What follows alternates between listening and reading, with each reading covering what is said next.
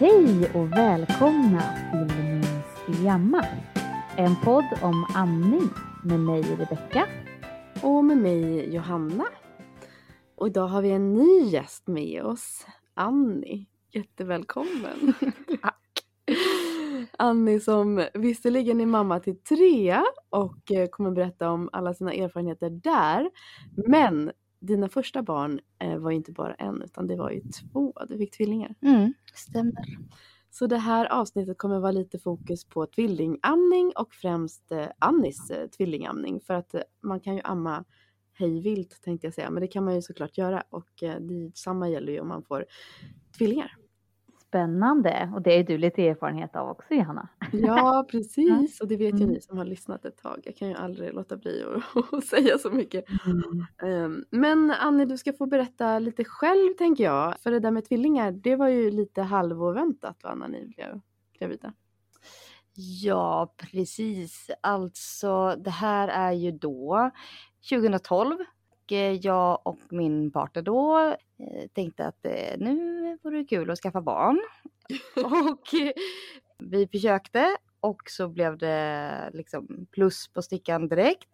Och vi hade precis köpt en lägenhet i Midsommarkransen, en trea. Perfekt, tredje våningen utan hiss. Vi tänkte det är inga problem och eh, gör ett första ultraljud i vecka åtta. Bara för att jag tyckte inte jag kände någonting och jag var jätteorolig för att det inte skulle vara någonting och jag tänkte så här, nej men jag kollar. Så att vi Mm. bokade in ett privat ultraljud. Och då gick vi in och så, det är så roligt för att vi kom in 10.30 hade vi tiden och 10.32 så är så här, säger barnmorskan bara att eh, jag ser inte bara ett foster utan jag ser två. Och då min, ja, min man, alltså han, han var lika vit som ett eh, lakan. det var helt, jag har aldrig sett någon vara så chockad. Och det var liksom bara, ja, total chock var det. Vi var inte alls beredda överhuvudtaget på att det skulle vara två. Så att, eh, ja, på den vägen är det. Men vad tänkte ni? Kan du minnas? Alltså bara så här, what the fuck? Eller? Ja, det var bara total, alltså det var liksom, jag tror att jag grät och eh, skrattade och min mamma hon är också barnmorska och jobbade liksom på en mottagning, barnmorskemottagning ganska nära. Så att jag liksom fick, tog den här lappen med de här ultraljudsbilderna och gick upp till henne. Mm. Hon visste om att vi hade gjort ett ultraljud eh, och hon visste om att vi var gravida liksom. Så då visade jag dem för henne och då sa hon liksom så här, åh, gud vad söt. Så hon, och jag så här, du, ser du eller? Och då höll hon på att svimma. För hon bara, nej är det två? Och ja, det var väldigt sjukt. ja, ja. väldigt chockartat. Sen tror jag att jag typ bara, alltså jag tror att jag var sjukskriven typ en vecka för jag var helt liksom i, ja, chock. Mm. Det var så mycket, det var liksom inte bara det här att det skulle vara två. Det var också så här, jag är inte så lång, jag är 1,54. Så jag kände också så här, hur ska det gå? De kommer Mm. aldrig få plats. Det kommer Mm. aldrig, det kommer liksom inte få, ja det kommer inte gå. Kroppen Mm. kommer inte klara det. Så det var mycket, det var liksom så här högt och lågt i tankar liksom, Mm. vad som skulle funka. Ja. Hur gick det med kroppen sen då? Hur var, hur var graviditeten? Alltså rent fysiskt fantastiskt. Jag liksom mådde väldigt bra, mådde lite illa i början liksom sådär. Men var väldigt så här, rörlig och mm, kunde gå liksom långa promenader eh, långt in i graviditeten. Eh, ja men inga egentligen så här, inga sammandragningar direkt. Alltså det var väldigt eh, bra fysiskt. Sen var jag väldigt orolig faktiskt. Jag tyckte att det var jobbigt att det var två på det sättet att, eller jag tyckte alla frågorna var jobbiga från barnmorskorna, eller liksom från barnmorskan eller alla runt omkring eller sådär. Mm. Eh, har du känt båda? Har du känt båda sparka? Att det kändes svårt att liksom veta att båda faktiskt mådde bra. Liksom. Ja, var men svårt. att, alltså det låg så mycket på mig. Att jag Mm. hade bra koll på att båda var okej. Så, Mm. den känslan var det lite. Mm, förstår. Var du, var du barnmorska då? Annie? Nej, det var jag inte. Nej, Mm. då var jag sjuksköterska. Mm. Mm. Precis, för Annie gick i sin mammas fotspår. Det sa vi inte i början, men så nu är du ju barnmorska. Mm. Ja, just det, precis. Precis, men då kanske du hade ändå lite insikt, eftersom du hade en mamma som var barnmorska tänker jag, Mm. Eh, i vad en tvillinggraviditet kunde innebära, eller? Nej. Nej. jag tänkte Ja, eftersom du var så orolig. Ja, och mamma tror jag var mer, och det har jag ju fattat i efterhand, liksom Mm. då. Eller liksom att hon nog var mer orolig. Eftersom det ändå är lite mer riskfylld graviditet. Mm. Kan man väl ändå säga. Mm. Och eh, då tror jag att hon liksom, men det var ingenting som jag fattade faktiskt. Mm. Men det kanske var bra då. Ja, folk runt omkring var väldigt eh, liksom, lugna och eh, chilla med Mm. det. Så. Mm. Och sen var det ju liksom, det var ju inga, alltså jag mådde ju bra. De växte som de skulle och allt på ultraljuden, allting var ju bra så. Mm. Jag fattar det där. Det är ju inte helt lätt att utläsa vem som är vem. Det är ändå så här tajt utrymme i magen. De ligger ju supernära Mm. varandra och dessutom ändrar de lite lägen, speciellt i början. Mm. Eh, Så det, det är absolut inte helt lätt att vara helt säker på vem det är som rör sig här och där. Nej, och så var det just där, liksom, man gick på ett ultraljud och då kunde man vara lugn och sen skulle man igen så här. Har du känt att de har sparkat? Mm, ja, jag tror det. Det var liksom, Mm. man kunde aldrig vara säker. Eh, och det tyckte jag var ganska jobbigt faktiskt. På Mm. det sättet att det var mycket oro kopplat Mm. till det. Mm. Så det där är ju någonting som tänker jag är svårt för någon annan också. Jag tänker för din eh, mm, partner eller nuvarande man Mike att vara delaktig i jättemycket heller. Mm. För det är ju man själv som bär graviditeten eh, och har möjlighet att liksom analysera just den delen. Mm. Ja, Mm. skit, skitsvårt. Det är ju en sån här rutinfråga jag tänker man ställer på mödravården varje gång vid varje besök på om man söker förlossning eller whatever. Så frågar man ju så här, känner du normala fosterrörelser? Det är ju en standardfråga. Så tänker Mm. man ju inte så jättemycket mer på vad det kan skapa i någon annan. Nej, och så var jag säkert lite orolig, liksom generellt i en orolig själ under den graviditeten. Så att jag tror Mm. att liksom allt det där blev väldigt så här, det bara byggde på den där oron. Mm. Vet du vad du var orolig för? Att liksom det inte skulle gå hela vägen eller? Men jag tror att det var den här overklighetskänslan. Alltså det är ju väldigt overkligt, tycker jag, att vara gravid. Alltså, och så här, man visste inte vad som skulle komma. Alltså liksom hela den känslan att vara gravid första gången var liksom en overklig känsla. Och då att det skulle vara två, det blev också så här, det blev nästan, jag upplevde att det var liksom svårt att ta in. Mina barn, de låg säte säte så de är, det är kejsarsnitt. Och då vet jag att jag nästan tänkte så här att det kommer bara säga som en ballong Mm. när de öppnade magen. Det var fortfarande liksom hela vägen in Mm. tills de skulle födas. Väldigt så här, surrealistisk känsla att det Mm. var på riktigt två barn där inne. Hur var det när de föddes då? Mm. Fortsatte det vara lika overkligt när de kom eller kändes det annorlunda? Jo men alltså de är ju födda med planerat kejsarsnitt enligt rutin. Två veckor innan beräknad. Skönt ändå. Ja, Det det var jätte... Ja, så det var bra. Och det är tvåäggstvillingar så att det var liksom bra. Och de låg i säte säte så det är därför det inte blev en vaginal förlossning. Hade Mm. du kunnat tänka dig det annars? Ja, det hade jag nog absolut. Jag var nog väldigt inställd på det Ah, eh, okej. först. Man kan ju föda vaginalt om det är huvudsäte, Mm. men inte Mm. säte säte. Mm. Så därför, eh, och jag tror att en vände sig i vecka 35 typ, eller 34, väldigt sent i alla fall. Mm. Så jag var ganska inställd på det länge, att det var huvud ner Mm. och att det skulle bli en vaginal förlossning. Sen blev det planerat snitt och allt var jätte, jättebra så. Jag kände mig väldigt så här, väl omhändertagen och trygg. Det här var ju den 17 december då, 2012. Det var mörkt ute, det är kallt. Det var en sån här vargavinter. Hur mycket snö som helst. Och de är födda tidigt på morgonen. Och när det är tvillingförlossning så är det ju också väldigt mycket folk. Obstetriker och neonatalläkare Mm. och det är sjuksköterskor och barnmorskor och ja, hur mycket folk som helst. Ja. Eh, Oftast är det ju två av alla nästan. Ja, Eh, exakt. Och så, så några extra nyfikna liksom, lite studenter och... Ja, så var det Mm. säkert. Så här. Det är väldigt mycket folk runt omkring och det, för mig var det liksom nästan bara liksom bra. Det var en trygghet. Jag tyckte det var skönt. Mm. Först plockar de ut det första barnet och det där första skriket är ju på riktigt att det kändes som att jag föll genom jorden eller liksom genom marken. Det är det absolut sjukaste känslan jag någonsin upplevt. Alltså Mm. det första barnskriket. Mm. Eh, Det var helt eh, otroligt. Och eh, sen så tror jag att jag fick upp det på bröstet, det barnet, en kort stund. Och sen så var det nästa barn som kom upp och min man vet jag, han sprang runt där och skulle klippa navelsträngar och ta kort och ja, de skulle få på sig de här eh, banden och de skulle mätas och ja, det var väldigt Mm. rörigt. Och sen så fick jag en, blödde jag ju ganska mycket i samband med min förlossning så att jag eh, helt plötsligt blev liksom allting väldigt suddigt och jag kände så här okej men nu kommer jag svimma Mm. Mm. den känslan. Och jag märkte att det blev liksom, de satte på något dropp och de liksom, alltså att det blev lite så här, lite rörigt. Så Mm. märkte jag. Mm. Så att det, jag fattade nog inte riktigt då, men mer att det var lite omtumlande för min man tror jag, som såg. För jag blödde 1,9 tror jag. Mm. okej. Så det var ju Mm. mycket blod på golv, alltså det var ju mer så Mm. lite så här. Mm, lite traumatiskt kanske. Ja, eller han var nog lite så här. Det, först var var- det två barn och sen en fru som är lite väck och sen ganska mycket Mm. blod på golvet.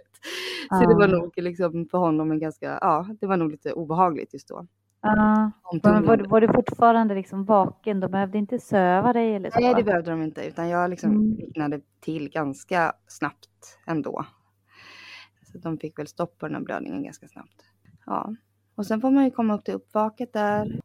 Var, var du med barnen där? Kommer du ihåg? Ja, då fick jag Ah. dem direkt. Mm, vad bra. Det Mm. super. Mm. Om jag har någon bild därifrån när, vi, när de ligger på mitt bröst båda två. Mm. De, de fick jag direkt. Hur hade du tänkt med, med amningen då under graviditeten? Alltså jag tänker, jag fattar att det har varit jättemycket fokus på graviditeten, mående och hela den där Mm. grejen. Och sen såklart att du ska föda barnen. Men Mm. hade du, hade du tänkt lite på amning eller?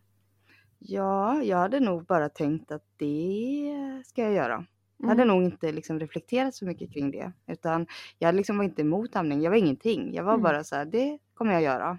Jag hade nog inte funderat så mycket längre. Jag var nog väldigt så här, att det var lite overkligt att de ens skulle komma. Mm. Så att jag tror att jag hade svårt att liksom fästa fokus liksom Mm. längre bort.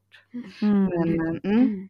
Fattar. jag, hade, ja, jag var nog inställd på det. Mm. Ja, hade du pratat med din mamma någonting om amningsfrågan? Ja, det hade jag säkert. Jag var inställd på det och hon med. Eller sådär. Mamma var väldigt duktig på att liksom inte oroa mig. Eller liksom det var, hon följde mig väldigt mycket som en mamma och inte som en barnmorska. Mm. Och hennes kollegor hade också gett henne liksom så här, nu ska du vara mamma eh, Mm. till din dotter under den här graviditeten. Nu ska du inte oroa dig, nu ska du bara vara som en förälder är till sitt Mm. barn. Mm. Ungefär så. Det är Ja. det man behöver. Så här, du har ju en barnmorska på mödravården och så hade du en mamma som råkar vara barnmorska som du också kunde såklart Ja, konsultera. ja Men exakt. jag tänker Mm. att man, eh, har man en mamma med en god eh, relation så kan det vara liksom väldigt Mm. fint att få stöd därifrån. Ja. Som en mamma. Ja, ja, men det var väldigt, det var fint. Det var Mm. jättebra. Mm. Hur eh, hade ni det första tiden då på BB? Dels förlorade jag ju ganska mycket blod. Så jag var ju ganska trött och ganska omtumlad av det. Harry och Olle heter mina tvillingar. Harry vägde 2,9 och Olle vägde 2,3. Så Olle var ganska liten Mm. när han föddes. Det är roligt att 2,9 det är ändå en ganska liten bebis. Ja.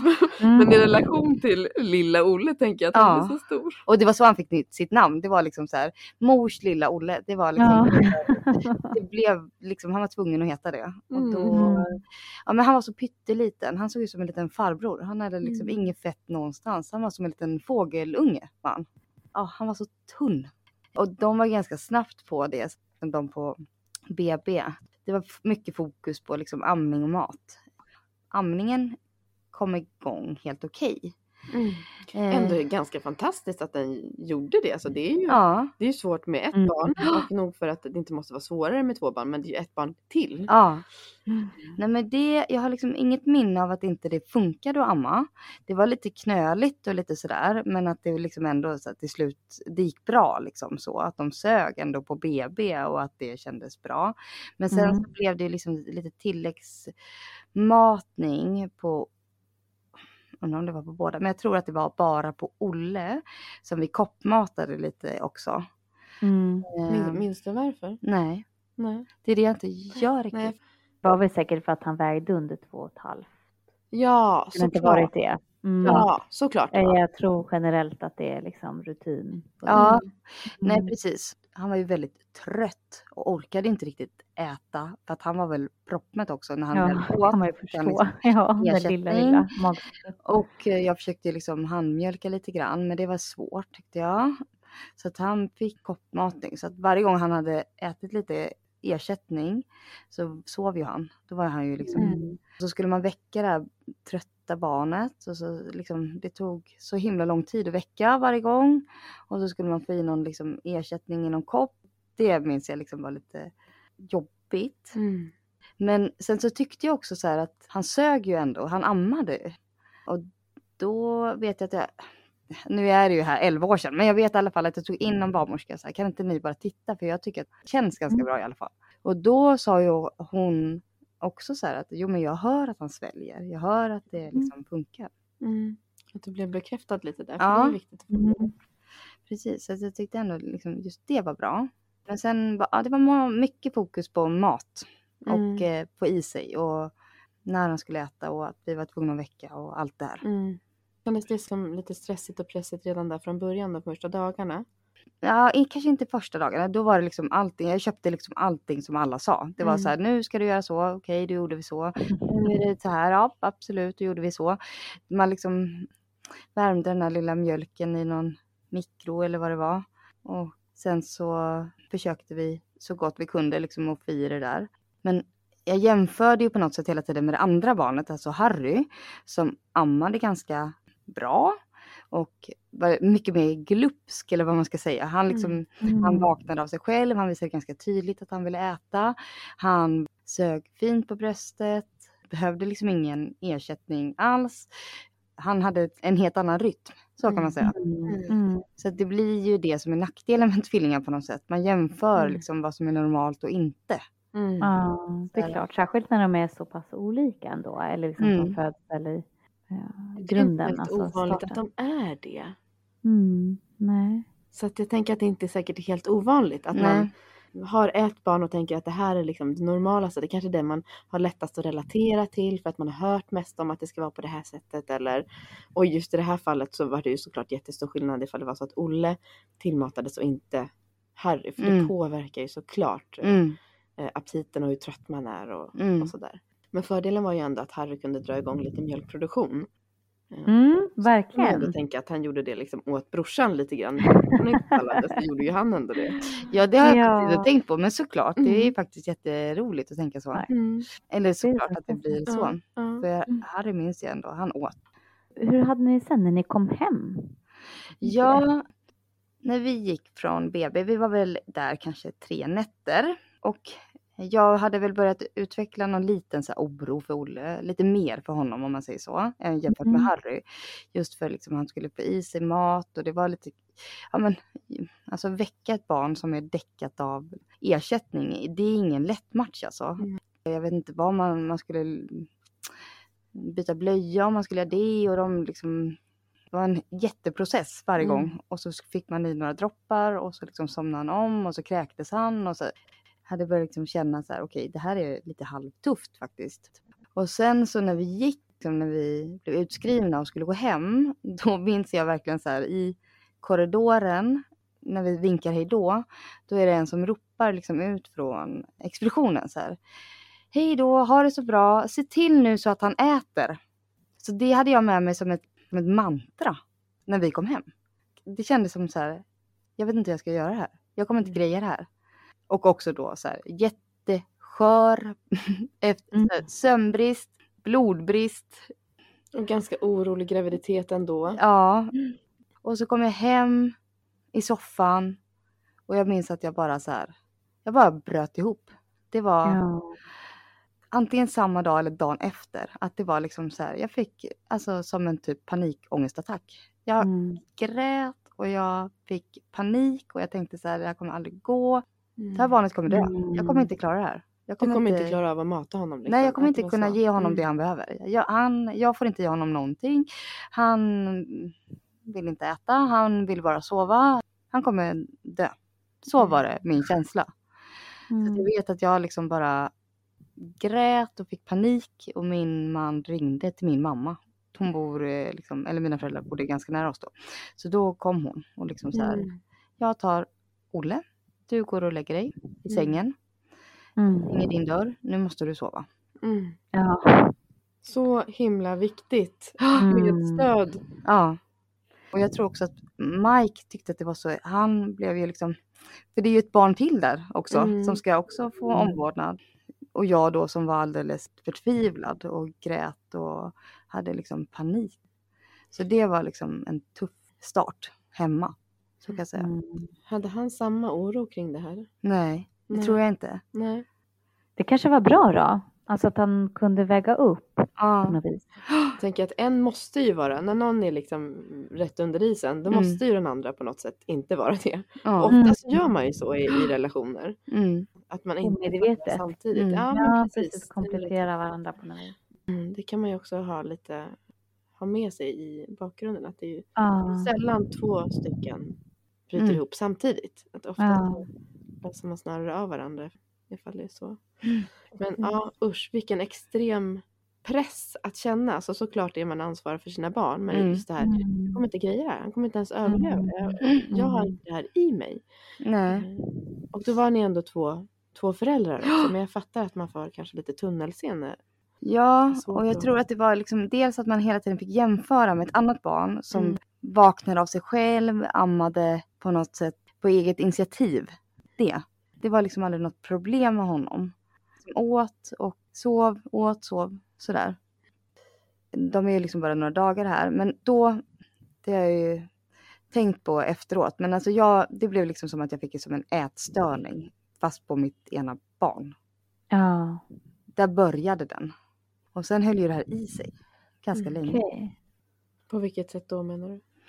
Men jag var väldigt, väldigt mycket så här ångest och väldigt mycket så här fokus på vad Olle åt och när han åt och hur mycket han åt. Mm.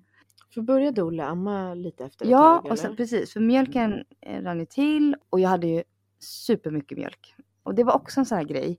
Jag minns att jag liksom läste och jag hade någon kompis som fick barn ungefär samtidigt och hur länge en amning skulle pågå. Jag frågade, jag visste liksom inte riktigt hur länge man skulle amma liksom i tid per gång om man säger så. Per måltid eller vad man ska säga. Och då hade jag liksom, fick jag någon uppfattning, ja, men typ 30 minuter ungefär. Det är en amning. Ja. Det var liksom så som jag hade en bild av det och Mm. tyckte ändå den blev bekräftad. Mm. Och jag hade liksom dels så hade jag mycket mjölk och sen så rann, vad säger man, liksom den liksom blev väldigt mycket. Alltså det sprutade mycket mjölk. Mm. Mm. Det var som att sätta på en högtryckstvätt Ja. i halsen på dem, stackars barnen. Så det Mm. blev ju också så här, varje amning som jag hade, det var ju liksom en match. Det Mm. kändes som att det var så här, okej nu kör jag. Och så var det Mm. åtta minuter tror jag, liksom en amning tog. Sju, åtta minuter. Mm. Kunde du amma dem tillsammans samtidigt? Nej, jag försökte några gånger, men just för att de satte halsen, det sprutade mjölk överallt, de tappade greppet och blev det så att jag liksom hade båda då, då var det liksom, det tog bara ännu längre tid. Men det fattar jag också var extra svårt. Om man någon, speciellt någon som kanske är lite svagare och svårt att få till det Mm. och man har den här jättestarka utdrivningen och de drar tillbaka. Det är ju jättevanligt att de gör när de blir så här Mm. jättemycket mjölk som kommer i munnen på en gång och Mm. så ska, då blir det kladdigt och Ja, och de sätter i halsen, alltså det, Mm. liksom, det var liksom, de chippade liksom, det var Mm. verkligen så här, upp, upp, upp, upp, sådär. Mm. Det var så eh, himla intensiv eh, mjölksprutt rakt i halsen på dem. Mm. Pumpade du så här de första dagarna eller? Du sa handmjölkning var lite svårt men minns du ifall du pumpade? Jag tänkte att du hade så mycket mjölk. Jag har en här bild framför mig att jag har suttit och pumpat handmjölkat i någon sån här liten kopp. Eh, en sån här medicinkopp som man fick med sig. ja. Det var nog första dagen, första dagarna. Mm. Och sen så Mm. spelade Mike ut den för han råkade liksom stöta till bordet. Ja, då. Och då grät jag. för det var så himla så här, hade kämpat så länge med den där Ja. mjölken. Men sen gick det ganska snabbt. Jag fick liksom mjölk så att jag kunde amma ganska lätt så. Men sen så var det ju liksom så här, sen handlar ju mycket med tvillingar är ju logistik. Det vet ju du Johanna. Det är Mm. liksom så här, hur ska vi få det här liksom, hur ska vi få det här att funka Mm. liksom rent Hur ska vi logistiskt? driva företaget framåt? Ja, exakt. Ja, det Mm. är liksom, och det är lite så, ett barn, det är mycket liksom så här anknytning och bara mys och lite sådär, när, närhet. Två barn på en gång, det är mycket logistik. Det är liksom Mm, här, allt är nästan schemalagt så här, nästan. Mm. Så här, nu får du mysa en halvtimme, sen får du mysa en Mm. halvtimme, sen ska du äta och så ska du byta blöja. Alltså mycket planering på något Mm. sätt. På nätterna framför allt, då hade vi ju som en liten kvällsbricka kan man säga, som vi dukade upp inför läggdags. Då var det en liten bröstpump i sån elektronik. Eh, med, och så var det två stycken flaskor och sen var det liksom, jag tror att det var så två flaskor av den här pumpen och sen är det ju det som tratt och allt vad det nu är. Mm. Och eh, så var ju liksom, vi satte ju klockan när de skulle amma, var tredje timme eller vad det var, tre, fjärde timma, tredje timma kanske. Så ringde klockan och då liksom väckte jag det ena barnet och Mike då, min man, väckte det andra barnet. Och så la vi till den ena vid bröstet, eller jag la till den ena vid bröstet och den andra, då höll min man en pump, elektrisk bröstpump då på det andra bröstet. Och ett barn. Ah. vill Ja precis, så ett barn på ena bröstet och sen en pump på det andra bröstet och han höll Mm. också då i barnet som skulle behöva väckas till inför att äta. För det var det mest effektiva. Då kom det Ja, snabbt mjölk och jag liksom ammade och fick ut ganska mycket mjölk samtidigt. Och sen när den var full då den här liksom flaskan, då tog han den och sen så kunde han mata det barnet då som inte ammade. ja, ja. Så ett barn Smart, ammade eller- och ett barn flaskades. Ja, exakt. Ah, ah. Och så var det tvärtom nästa gång. det- Ja, men det lät ju väldigt smart. Eller hur funkade det för er, Annie? Jo, men det var nog ganska smart, tror jag. Vi, Mm. Det känns som att det var liksom så här, jag vet inte ungefär när den här lösningen kom, men man provade ju några lösningar för att få det liksom så optimalt som möjligt. Så att man kunde få sova så mycket som möjligt. Det skulle gå snabbt att äta för barnen på något sätt och sen så att man skulle kunna somna igen. Eller liksom så här att Mm. allting skulle bara vara, Mm. det var så här sömn och mat. Mm. Mm. Precis, fokus på det. Ja. Mm, precis, ja, men det är super, superviktigt det där med sömnen. Jag vet hur vi också höll på. Så att alltså, verkligen. Mm. Ja. Så sinnessjukt viktigt. Men jag tänkte på det här med ersättning. Slutade ni någon gång med det? Eller liksom, hade ni det tillsammans med bröstmjölken? Ja, eller så här. Vi började ju med lite ersättning och sen så fick vi ju sluta med den. Jag vet inte hur Mm. länge. Det var ju bara Olle tror jag som åt det. Mm. Och sen höll vi på med den här amnings eh, och pumpprocessen ett Mm. tag. Det var också så här, det var vinter. Det var ju svinkall vinter. Jag tror att det var så här när Olle hade var bara några veckor. Det var så här minus 22 och vi skulle gå till Mm. BVC. Mm. Så att det var liksom, det var inte så lätt att amma ute heller. Det Mm. var liksom, det var väldigt eh, begränsat eh, på något sätt. Mm. Och jag var ju liksom så här fortfarande då som jag sa innan, men att som en liten, jag hade ju som en ätstörning på, på liksom. Olle, ja, som höll i Mm. sig. Så jag blev så osäker på hur mycket han fick i sig när han ammade. Jag kunde liksom inte släppa det riktigt. Jag hade Harry började på H, så Harry hade högra bröstet. Mm. Så ammade jag. Mhm. Harry fick allting i det högra bröstet och Olle fick det i vänstra bröstet. Okej, vad Mm. spännande. Så att Ja. då kunde jag på något sätt så här, de blev ju kanske lite ojämna brösten, men då kunde jag hela tiden så här känna hur mycket mjölk är det kvar, hur mycket åt han ungefär. Så här, ja men nu, är liksom bröstet helt eh, tömt. Ja men då har du ätit jättebra. Mm. Och så kunde jag känna på andra bröstet så här, ja men du åt lite mindre, det är fortfarande det är ganska spänt. Och så kunde jag liksom styra det lite så. Mm. Ja. Men då var det ju också så att jag visste ju inte hur mycket Olle åt. Jag kunde liksom ändå, fast de gick upp i vikt och allting såg bra ut och de var välmående, så kunde jag liksom ändå inte släppa det riktigt. Jag var liksom väldigt Mm. fokuserad på hur Mm. mycket Olle åt. Men försökte Mm. de normalisera det från BVC? Jag tänker så här, han gick ändå upp i vikt och Mm. var de liksom så här, gud allt är så bra, nu kan ni tagga ner eller fortsatte de att liksom vara lite så här, bra att ni tänker på att han ska få i sig eller? Mm. Först gick vi på en BVC och den var lite rörig, den var nyöppnad, den var ganska rörig BVC. Så där kände jag så här, jag fick inte det stödet som jag behövde. Jag var säkert inte så tydlig med vad jag behövde. Jag visste nog inte vad jag behövde heller. Vilken typ av trygghet jag behövde. Mm. För jag Mm, mm, fattade nog inte att det var Att jag mådde så dåligt av det som jag gjorde. Mm. Ehm, För det var väl precis det du behövde tänker jag. Du behövde tryggas i att det här går bra, det Ja. blir rätt, det blir superbra. Ni kan slappna av. mm, verkligen, Mm. exakt det hade jag behövt. För det låter ju ändå som att det, pratar man så här ur medicinskt perspektiv så låter det som att det gjorde det.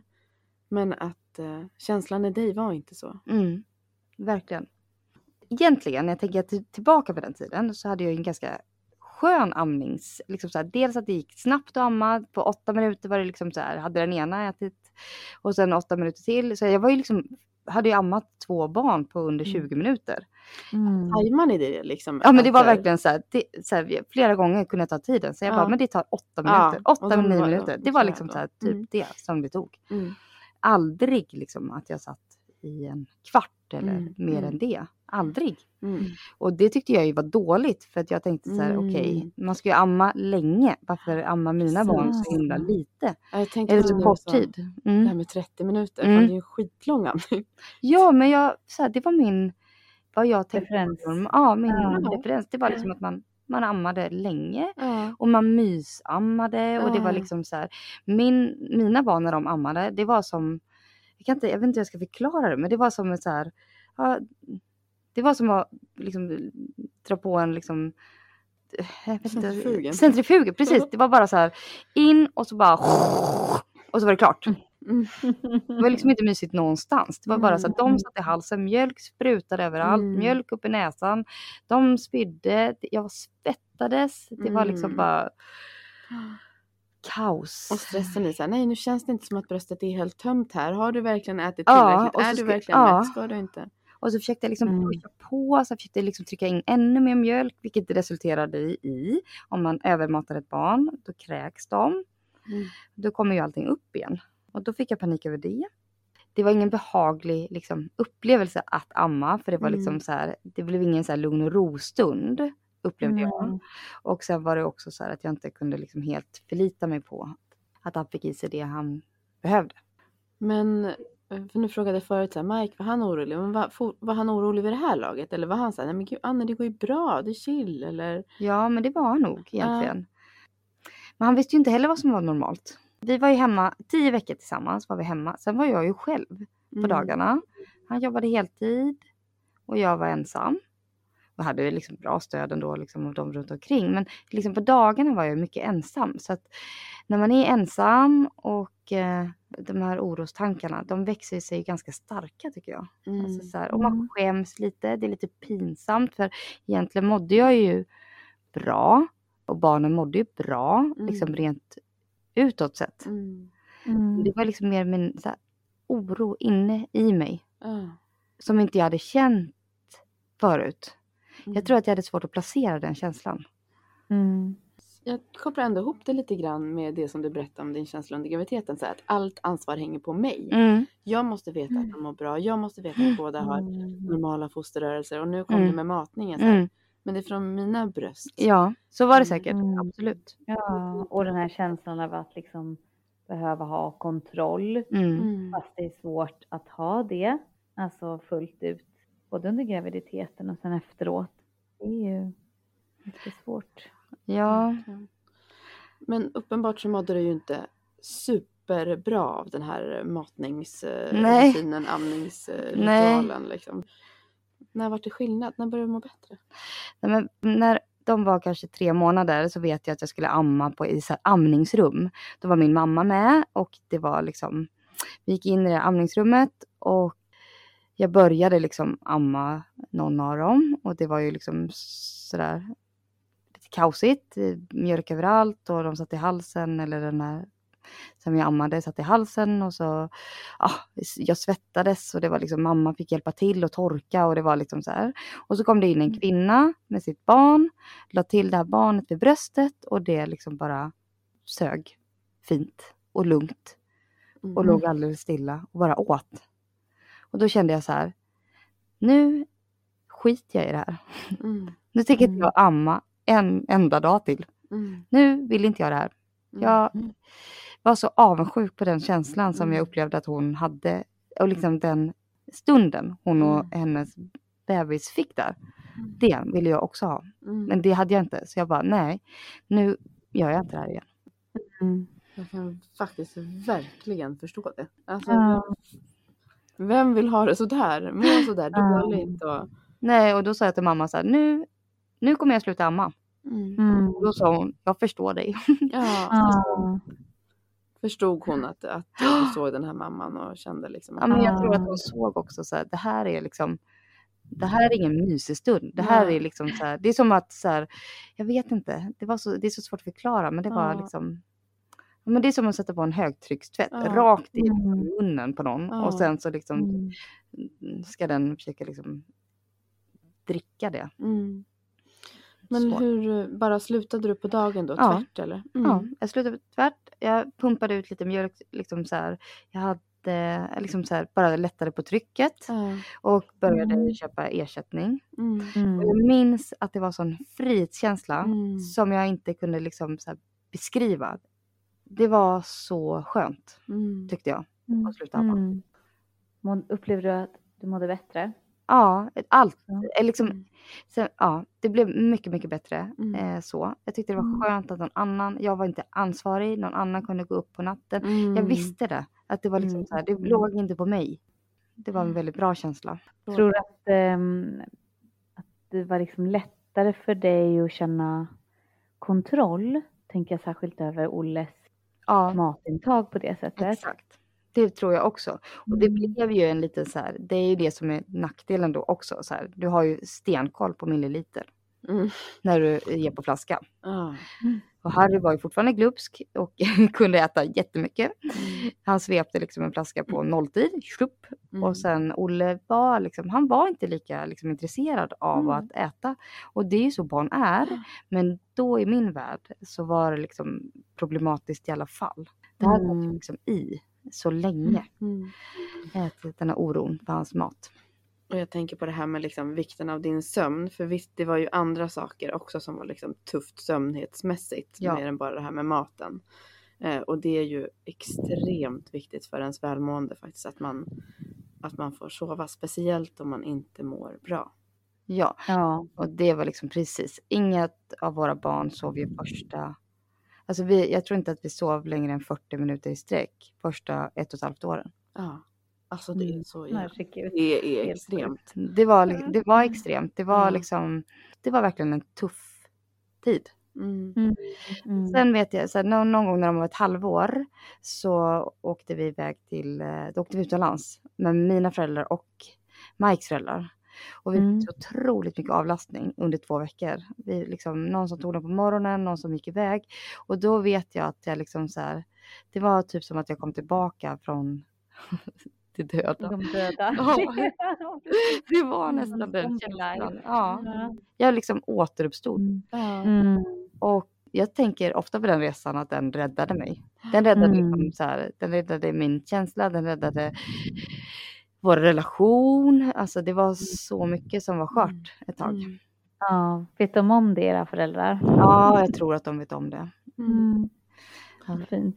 Men extremt, alltså jag kan så mycket relatera till det här med sömnen. Jag slutade ju nattamma mina tvillingar just av den här anledningen. Mm. Bara 40 minuter i sträck, Mm. ett x antal månader och bara nej, det, det, är, det är inte humant. Och ett och ett halvt år, Mm. jag kan Mm. inte ens föreställa mig. Nej.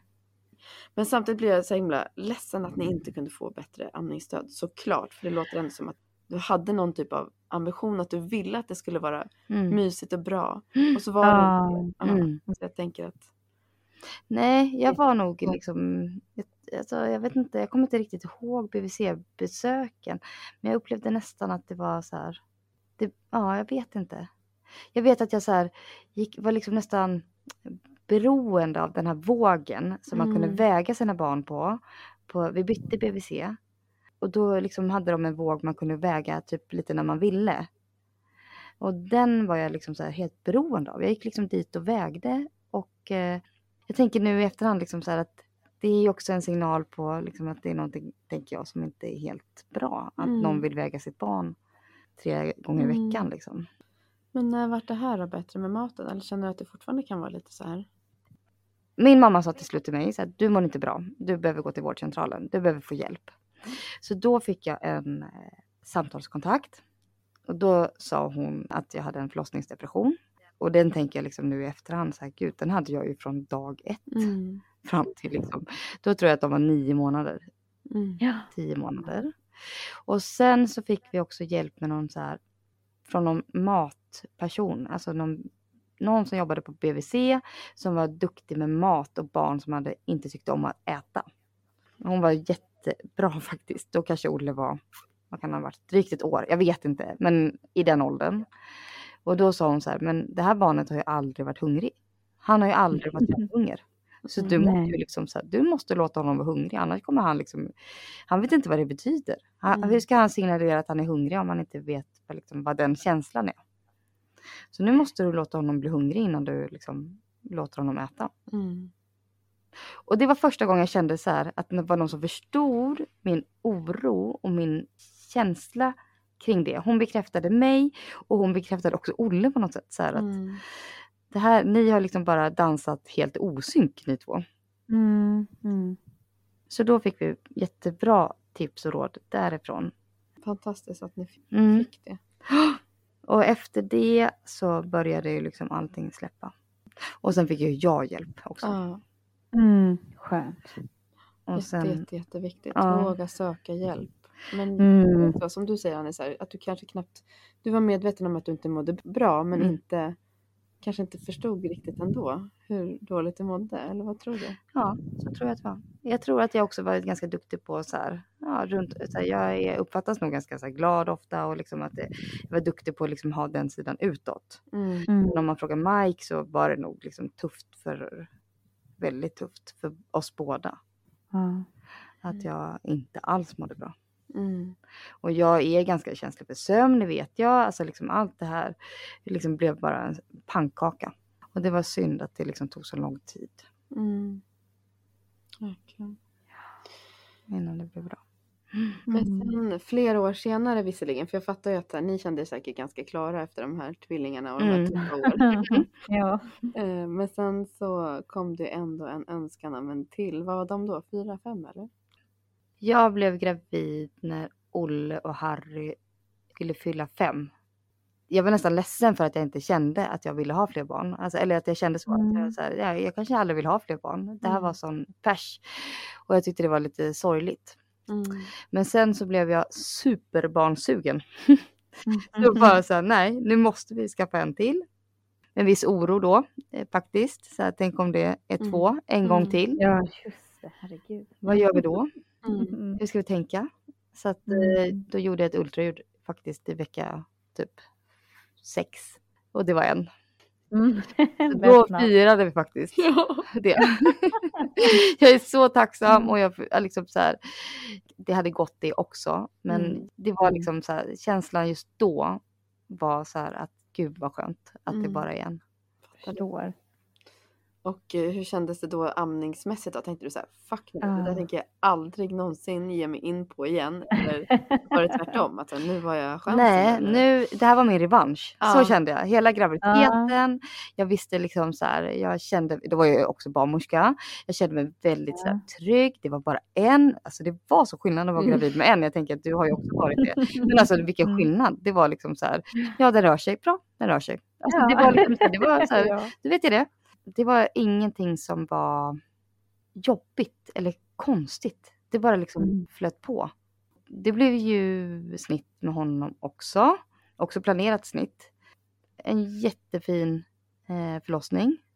Och Mm. det var också roligt när man har gjort en, en, ett, liksom ett snitt en gång och så skulle jag få göra det igen. Så då visste jag så här, jag ska typ njuta på det här Mm. kejsarsnittet. Jag ska liksom ta in Mm. allt. Bara Mm. så här, läkarna var fantastiska, personalen runt omkring. Så narkosläkarna var Mm. ja, så rolig. Barnmorskorna, undersköterskorna, alla liksom, den vårdpersonalen som var liksom involverad. Det var, det var liksom så lite festlig stämning. Mm. Sån är min känsla på Det födelsedag. Det var verkligen födelsedag. Och jag bara ser det på någon video som jag har. Alltså jag är så lycklig. Så det var, ja. Det var verkligen en revansch. Mm. Ja. Och eh, funkade Ja, direkt. precis. Jag Ja. tänkte fråga Ja. det. Hur var det den då? Ja, allt funkade. Du kände inte Mm. alls samma oro där, kontrollen Nej. får i dig? Och, nej. Och jag var så himla så här, peppat mig själv så himla mycket att så här, jag ska följa honom, jag ska följa hans rytm när Mm, han är mm. hungrig. Nu vägde han ju så här 3 och 6. Han var ju liksom en, lite mer satt om man säger så Mm. jämfört med de andra. Men eh, det var, ja, det var en fantastisk upplevelse. Mm. Fick du till slut den här du hade Mysamningen, jag fick liksom så här bara njutet. Jag Mm. njöt så himla mycket av, Mm. eh, av hela liksom, ja men den första tiden med honom. Mm. Så var det. Ja. Mm. Gud vad härligt att höra. Ja, verkligen. Och på det Avsluta på topp. Ja, fördel och nackdel med att få, om man ska ha tvillingar, liksom, om man får den första omgången, andra eller Ja, kanske till och med tredje eller så. Men hade du fått en från början det hade gått så här smidigt, Ja, då hade du kanske haft den erfarenheten mer och kunna applicera den på tvillingarna. Absolut. Liksom. Mm, jag mm. tänker att det är för och med båda. Så är det Absolut, verkligen. ja. Alltså det är så här, man är, jag skulle nog inte haft den här känslan eh, som jag har liksom med Max om jag hade fått honom först. Men jag hade nog haft en mycket mer så här lugn inställning till Mm. att få tvillingar. Jag kan tänka att jag njuter så sjukt mycket, eller jag njöt så mycket att det bara var en. På ett sätt som jag absolut inte hade gjort kanske om jag hade fått en första gången. Alltså så här, Mm, ja, precis. of det, ja, det var liksom, jag hade kunnat åka till månen och tillbaka. Det var liksom Mm. ingenting var jobbigt. Ja, det kan vara så extremt Ja. eh, olika. Verkligen. Men ni hade ju helt klart en jävligt tuff tid, alltså första Ja. tiden. Det är ju långt ifrån alla som har det så här jobbigt. Men lärdom från det kan ju verkligen vara att ta hjälp, Ja, våga ta hjälp och omgivning. Liksom erbjud hjälp ordentligt, inte fjuttigt. Ta för er så här. Nu tar jag här, nu åker vi på semester, Mm, nu gör vi så här. Precis. Du behöver söka hjälp, du mår inte bra. mm. Eh, våga påtala det.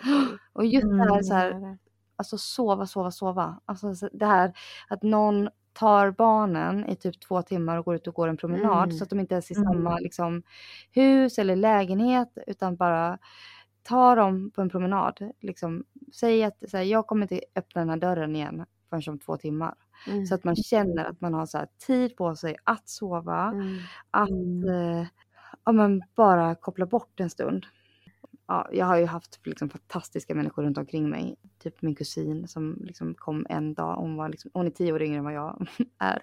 Kom en dag efter skolan, typ hela Olle och Harrys första två år. Typ, Mm.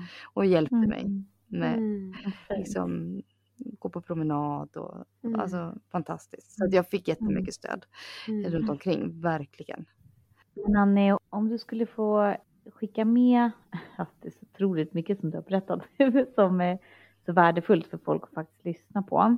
Oavsett om man får tvillingar eller inte, tänker jag. Alltså Mm. allt det här om hur du har mått och så. Ehm, om du vill um, påtala något extra viktigt. Det här vill jag skicka med till någon som lyssnar. Och kanske, kanske vänta tvillingar eller kanske har haft tvillingar själv eller, eh, eller precis fått barn och inte mår jättebra. Mm. Har någonting som du känner att det här vill jag liksom verkligen få ut. Ja, jag tror också så här, ganska mycket att jag var så här. Att jag ville ge liksom en bild av att allting var bra. Att typ att jag liksom Mm. inte ville oroa någon. Eh, jag Mm. tyckte att det var liksom här, nästan lite pinsamt att inte må bra. Att det var liksom Mm. nästan så här. Jag skämdes över känslan av att jag inte mådde bra.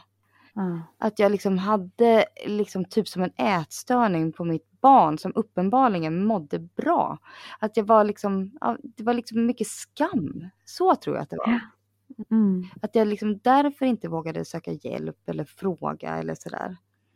Men samtidigt så tänker jag liksom så här, om det är någon som känner igen sig i den här känslan så är det ju så här, man är inte ensam och det är ju bara så här, få hjälp.